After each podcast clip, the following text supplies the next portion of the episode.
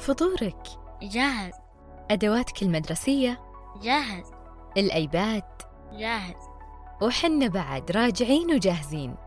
أسواق التميمي توفر كل الخيارات الصحية وغيرها الأفضل لك ولطفلك.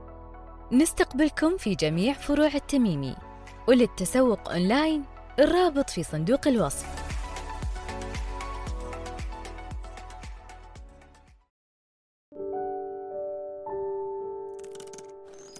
عادة أكتب تغريداتي بصمت فيمتلئ بريدي بكنز من رسائلكم. اليوم قررت أقاسمكم هذا الكنز وأقرأ معكم رسالة اليوم بصوت مسموع. هنا أسمى الجغافي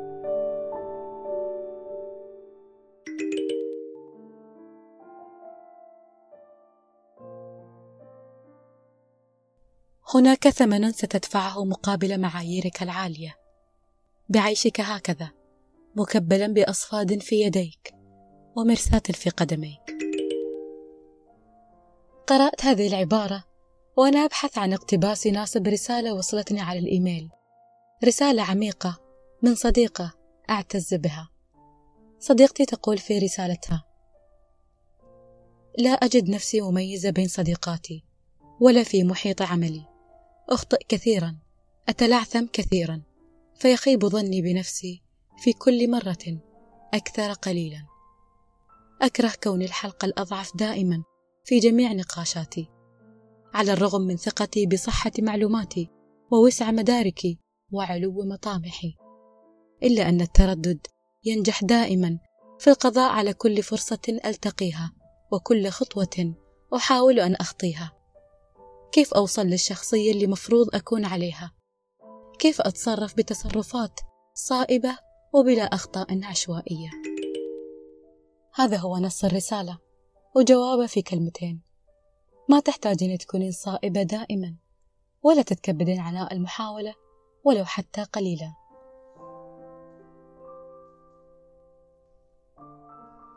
يمكن أكون بالغت شوي في الإجابة لكنها تختصر الدقائق القادمة.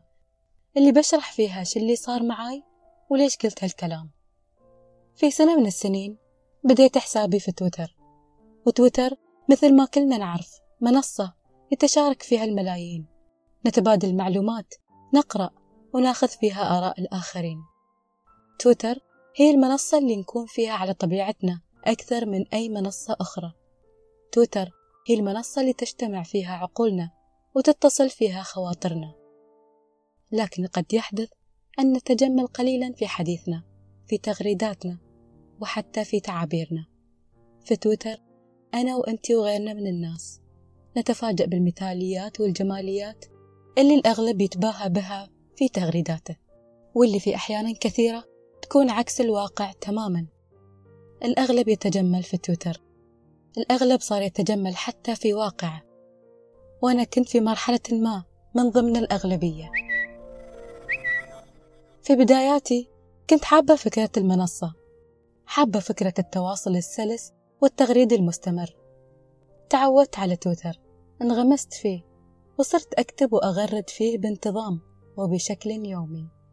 فبديت لا إراديا أتجمل أتحدث بطريقة منمقة أكثر مزخرفة أكثر حتى في معانيها لترقى لمستوى ومعايير النشر. هذه المعايير اللي أنا حطيتها لنفسي المعايير اللي بديت أرفعها أكثر مع الوقت إلى أن فقدت السيطرة وصارت عالية لدرجة ما قدرت أوصلها. متى لاحظت أني فقدت السيطرة؟ يوم بديت ألاحظ حجم جهودي المبذولة قبل ما أنشر أو أغرد بأي حرف في تويتر. لقيت نفسي أبذل مجهود في تجميل وترتيب كلامي قبل ما أقرر أنزله. وكل هذا على حساب فكرتي على حساب مشاعري اللي أعبر فيها عن نفسي أولا ثم للمتلقي. وصلت مرحلة صرت أكتب فيها لأبهر بدل ما أكتب لأعبر وهالمرحلة مرهقة بكل ما تعنيها الكلمة من معنى لأن وبدل ما كنت أحس بالراحة عند التعبير صرت أستثقل هذه المهمة. صارت مهمة متعبة تحتاج شغل وتفكير بدال ما يطلع كل شيء بعفوية. وبمجرد تعبير. مرحلة مرهقة ومحزنة. أنك تبدأ تستثقل العمل على أي شيء مهما كنت تحبه. والمتسبب في هذه المشكلة نحن بسبب معاييرنا العالية اللي نرفعها كل شوي في كل مرة ننتج فيها عمل نتقنه مهما كان صغير. نرفع معاييرنا في هذا المجال ونوصل فيها لدرجة أن تمنعنا من الاستمرار فيه. نتجمل لأن في داخلنا توقعات كبيرة تجاه أنفسنا ولأن حولنا مجموعة أصدقاء ما نبي نخذل نظرتهم المثالية لنا ولأن لدينا جمهور يحب يشوفنا مثاليين دائما وهذه كارثة في حق نفسنا أولا قبل غيرنا. لأن تبعات هذه المعايير على أنفسنا ما تتوقف عند هذا الحد وبس. تبعات المعايير كارثة مو بمجرد تشبيه.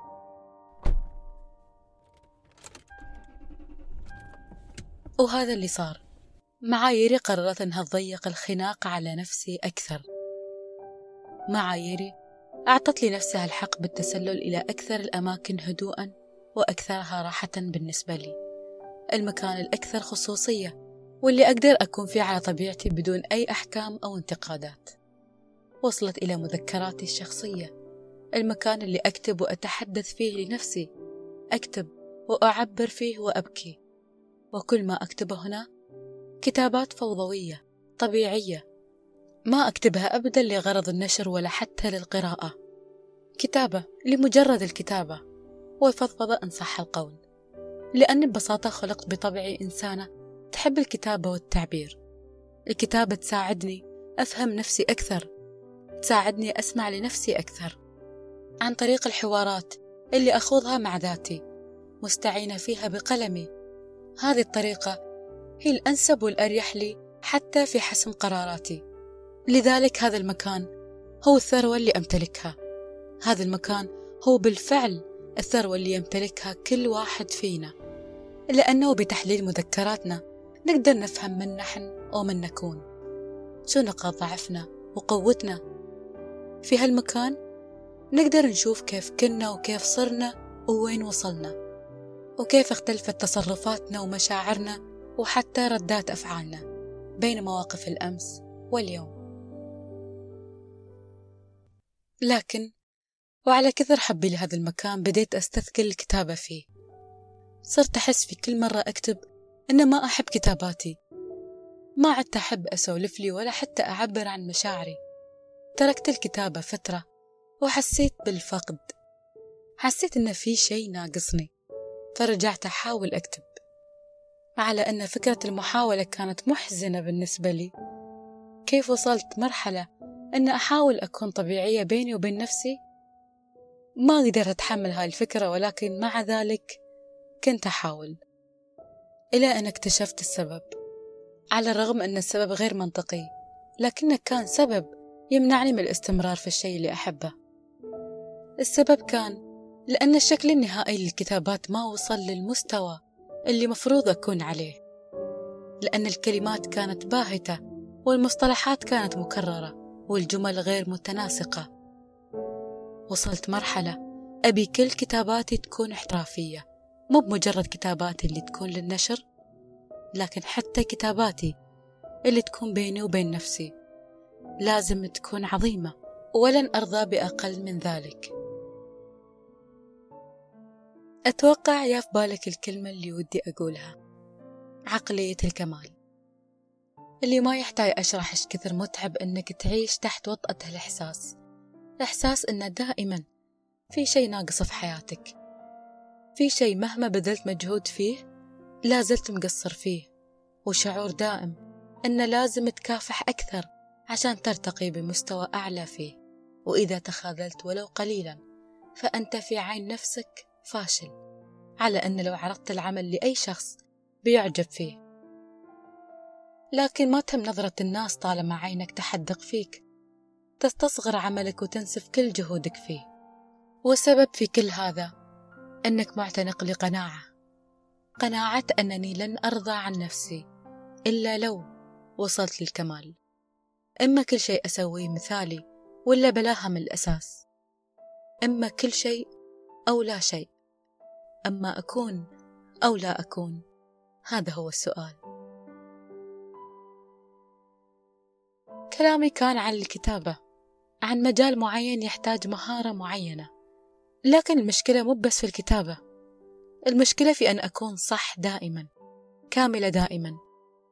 هي مشكلة قد تنقل مسارها من مجال الكتابة إلى مجالات أخرى في حياتي. بدءا بالحوار مع الناس. إلى إعدادي للتقارير وتنظيم الاجتماعات وحتى خوض النقاشات. مجالات عمل الروتيني تأثرت جميعها بهذه المشكلة. في كل خطوة في حياتي صرت مهووسة بالكمال التام. ولأن موضوع الكمال وايد مهم وكبير وخوفي من خلط الأوراق ولخبطة المفاهيم لازم أتكلم شوية عن ماهية عقلية الكمال ومعنى الرغبة في أن تكون شخص مثالي دائما.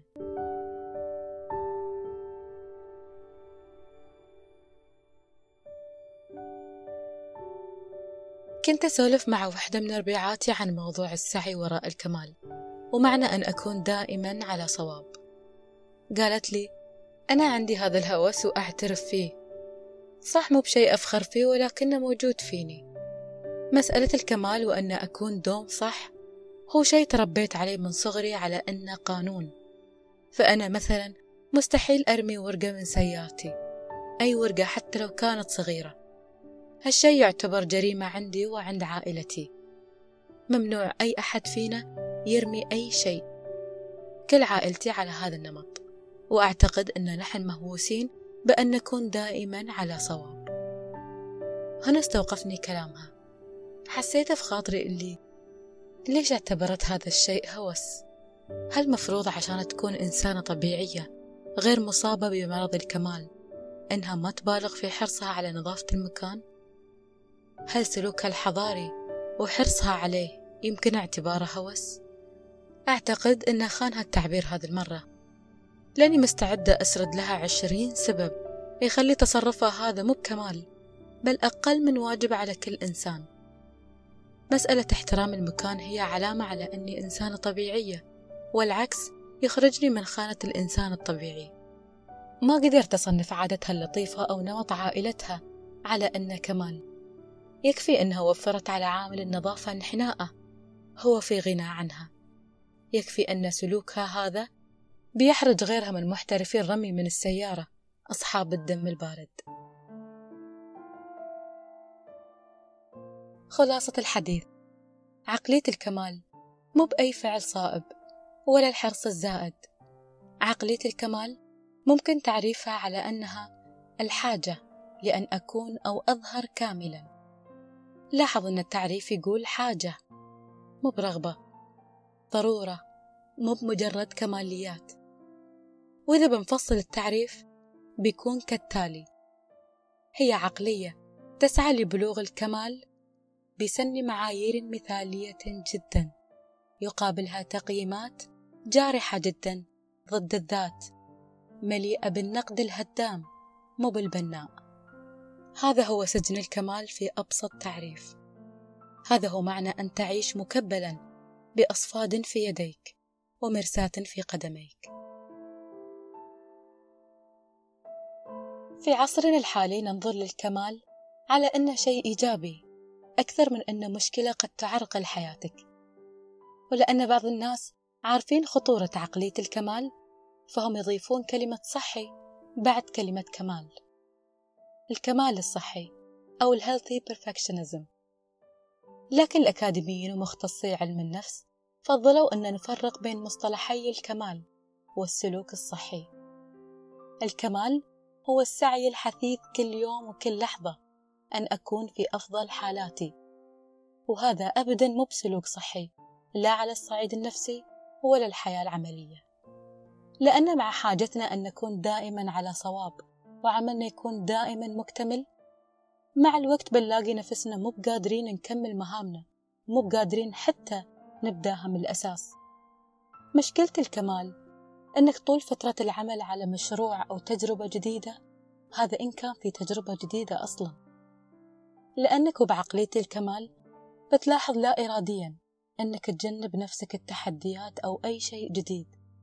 لأن فكرة أن تكون مبتدئ في شيء ما فكرة غير محتملة. المبتدئ دائما يخطئ والخطأ هنا أكيد مرفوض. لكن ولنفرض أن هناك مشروع جديد بديت فيه. هنا ومن أول دقيقة في العمل على هذا المشروع عينك بتركز فقط على المحطة الأخيرة وطاقتك بتسخرها فقط لبلوغ النتيجة النهائية المثالية والخالية من أي أخطاء أو تراخي. وإلا فستعرض نفسك للعقوبات والنقد الجارح من نفسك إلى نفسك.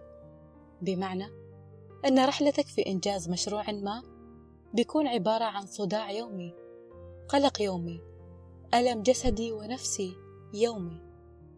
لأن متعتك بتكون فقط عند لحظة تغليف المنتج النهائي وهذه اللحظة تساوي واحد بالمئة فقط من المشروع. وإذا كان كل مشروع في حياتك وكل تجربة تطبق عليها نفس القوانين فهذا يعني أنك تعيشها بنفس الألم وبنفس النسب. يعني حياتك عبارة عن 99% رحلات لتنفيذ المنتج وواحد بالمئة إنجاز المنتج. وبحسبة بدائية بسيطة بدون استخدام آلة حاسبة هنا تكون تسببت بالألم لنفسك في 99% من حياتك بلا رحمة وبلا شفقة. تجاه نفسك البشرية. والأسوأ من ذلك أن بعد كل مشروع سواء نجحت فيه أو انسحبت بتتكون لديك ذكريات سيئة تخليك تتردد في قبول أي مشاريع وأي تجارب جديدة. وبتفكر بعد المئة ألف مرة قبل قبولها. بتلاحظ مع الوقت أن التردد بيكون هو السمة المتأصلة فيك والمعروفة عنك.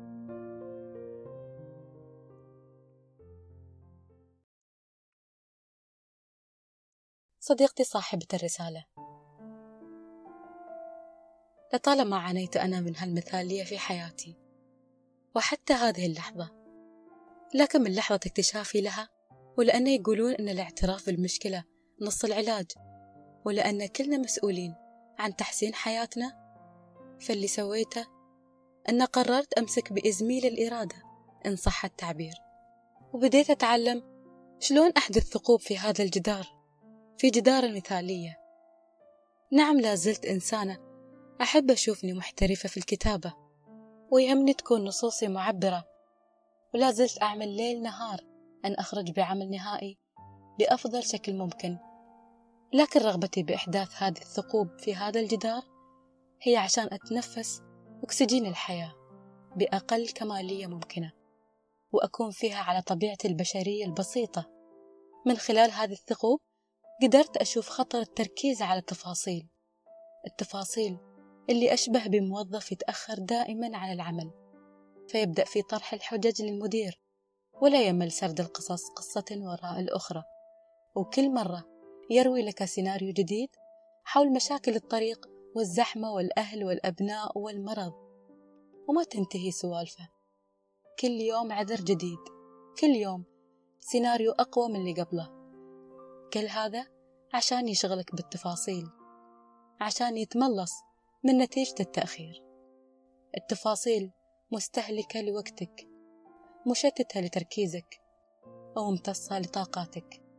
وهذا يفسر سبب أن بطارية طاقتك دائما حمراء. سبب أن ما فيك حيل تكمل أي شيء من اللي قاعد تشتغل عليه ولا قادر تستلم أي مشروع بحب أو تقبل عليه.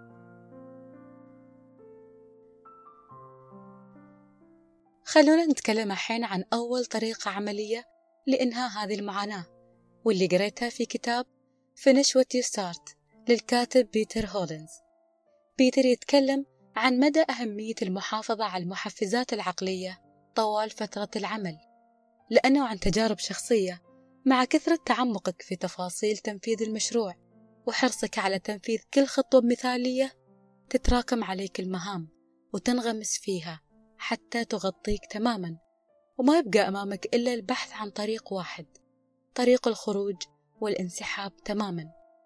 فأول شيء يوصي فيه الكتاب هي تذكير نفسك بالصورة الكبيرة وأسبابك ودوافعك الحقيقية للقيام بهذا العمل. فنذكر نفسنا عن طريق الإجابة على هذه الأسئلة. ما هي النتائج السلبية اللي قد تؤثر على حياتي إذا ما كملت هالمشروع؟ والعكس كذلك. ما هي النتائج الإيجابية اللي سأحظى بها في حياتي إذا كملت هالمشروع؟ والسؤال الثاني يبدأ بكيف؟ كيف بيستفيد من حولي إذا كملت؟ والثالث ما هي طبيعة المشاعر الإيجابية اللي سأحصل عليها بعد إنهاء هذا الإنجاز؟ حاول تتخيل صورة واضحة في عقلك للشكل النهائي مع تضمين الحواس جميعها إن أمكن. تخيل واكتب وعبر عن شكل الإنجاز. ارسمها إذا قدرت وتخيل الصوت إن وجد وحتى الرائحة. تخيل كل شيء وحافظ على هذه الصورة دائما مرسومة في عقلك ومكتوب في مكان واضح. وأنصح شخصيا باتباع طريقة أحبها جدا وهي اللي تسمى بال vision board. وهي لوحة توضع غالبا على المكتب ومعروض فيها مجموعة من الصور والكلمات اللي تمثل رغبات الشخص وتحفزه للعمل على أهدافه كأن تكون هي مصدر إلهام خاص فيه. ثاني نصيحة ذكرها الكتاب هي المحافظة على معتقدات إيجابية أثناء العمل وهذا بروحه يحتاج وقفة حقيقية خصوصا إذا كنت من الأشخاص المتعودين على توجيه النقد المتواصل للذات واللي يكون بغير قصد في غالب الأحيان. لكن النتائج اللي بتشوفها على نفسك وعملك وحتى علاقاتك تستاهل أنك تبدأ فعلا في تغيير حديثك السلبي لنفسك إلى حديث إيجابي. وأن تتفهم وسط كل هذه المشاغل الحياتية أن لنفسك عليك حق وأن نفسك نفس بشرية تحتاج رفق وتحتاج حنية. ومهما كنت ملزم بعمل معين حاول ترفع طاقتك وتشجعها قبل حتى الوصول للنتيجة النهائية كأن تقول لنفسك أن هذا العمل يحسن من قدراتي ويزيد خبراتي. ويوم تحس أنك مو بجيد كفاية ابحث وتعلم وحاول تؤكد لنفسك وتقول أن عندك القدرات الكافية لعمل هذه المهمة أو إنهاء هذا المشروع. وكذلك تؤكد لنفسك أن اللي قاعد تشتغل عليه الآن متصل بأهدافك البعيدة وبيوصلك لها بشكل أو بآخر. وأكيد مبدأ المكافأة مثل ما تشتغل على نفسك بجهد كافئ نفسك بحب وخصص لنفسك وقت توقف فيه شوي للاحتفال بجهدك هالفترة قبل وصولك للنتيجة. دائما تذكر أنك ما تأجل احتفالك للمحطة الأخيرة. أخيرا أدعوك أنك تحتفظ بيومياتك. اهتم بكتابتها بين فترة وفترة لأن داخل هاليوميات داخل هذه التدوينات من المشاعر والمواقف بتلاقي السبب اللي خلاك تبحث عن الكمال. يمكن يكون شخص ما تحس نفسك مجبر على التجمل الزائد معه. يمكن يكون معتقد ورثته من أهلك وترسخ في عقلك أو تجربة قديمة.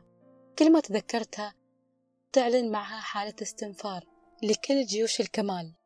أو يمكن كلمة طائشة من شخص طائش سببت لك حساسية شديدة تجاه من أنت وكيف أنت. تذكر أن الشيء اللي تظن أن الناس تقيمك على أساسه وتعاملك بناء عليه ما يشوفونه بالقدر اللي أنت تشوفه في نفسك ولا معطينه اهتمام بالقدر اللي أنت معطيه في عقلك. اعرف نفسك أكثر. أعطي لجهودك ومسعاك قيمتها وتقديرها الحقيقي اللي أنت تدفعه من وقتك وطاقتك وجهدك. وإذا بقدم لك نصيحة أخيرة ما أخفيك إنها كلفتني الكثير لين ما تعلمتها. نصيحة والله من خاطري. تذكر إن كان عليك الحذر من شيء فاحذر أولا من أفكارك ومعتقداتك. ثم احذر من كل من يحاول اللعب بخيوط حياتك. كانت معك أسماء الجغافي في حفظ الله.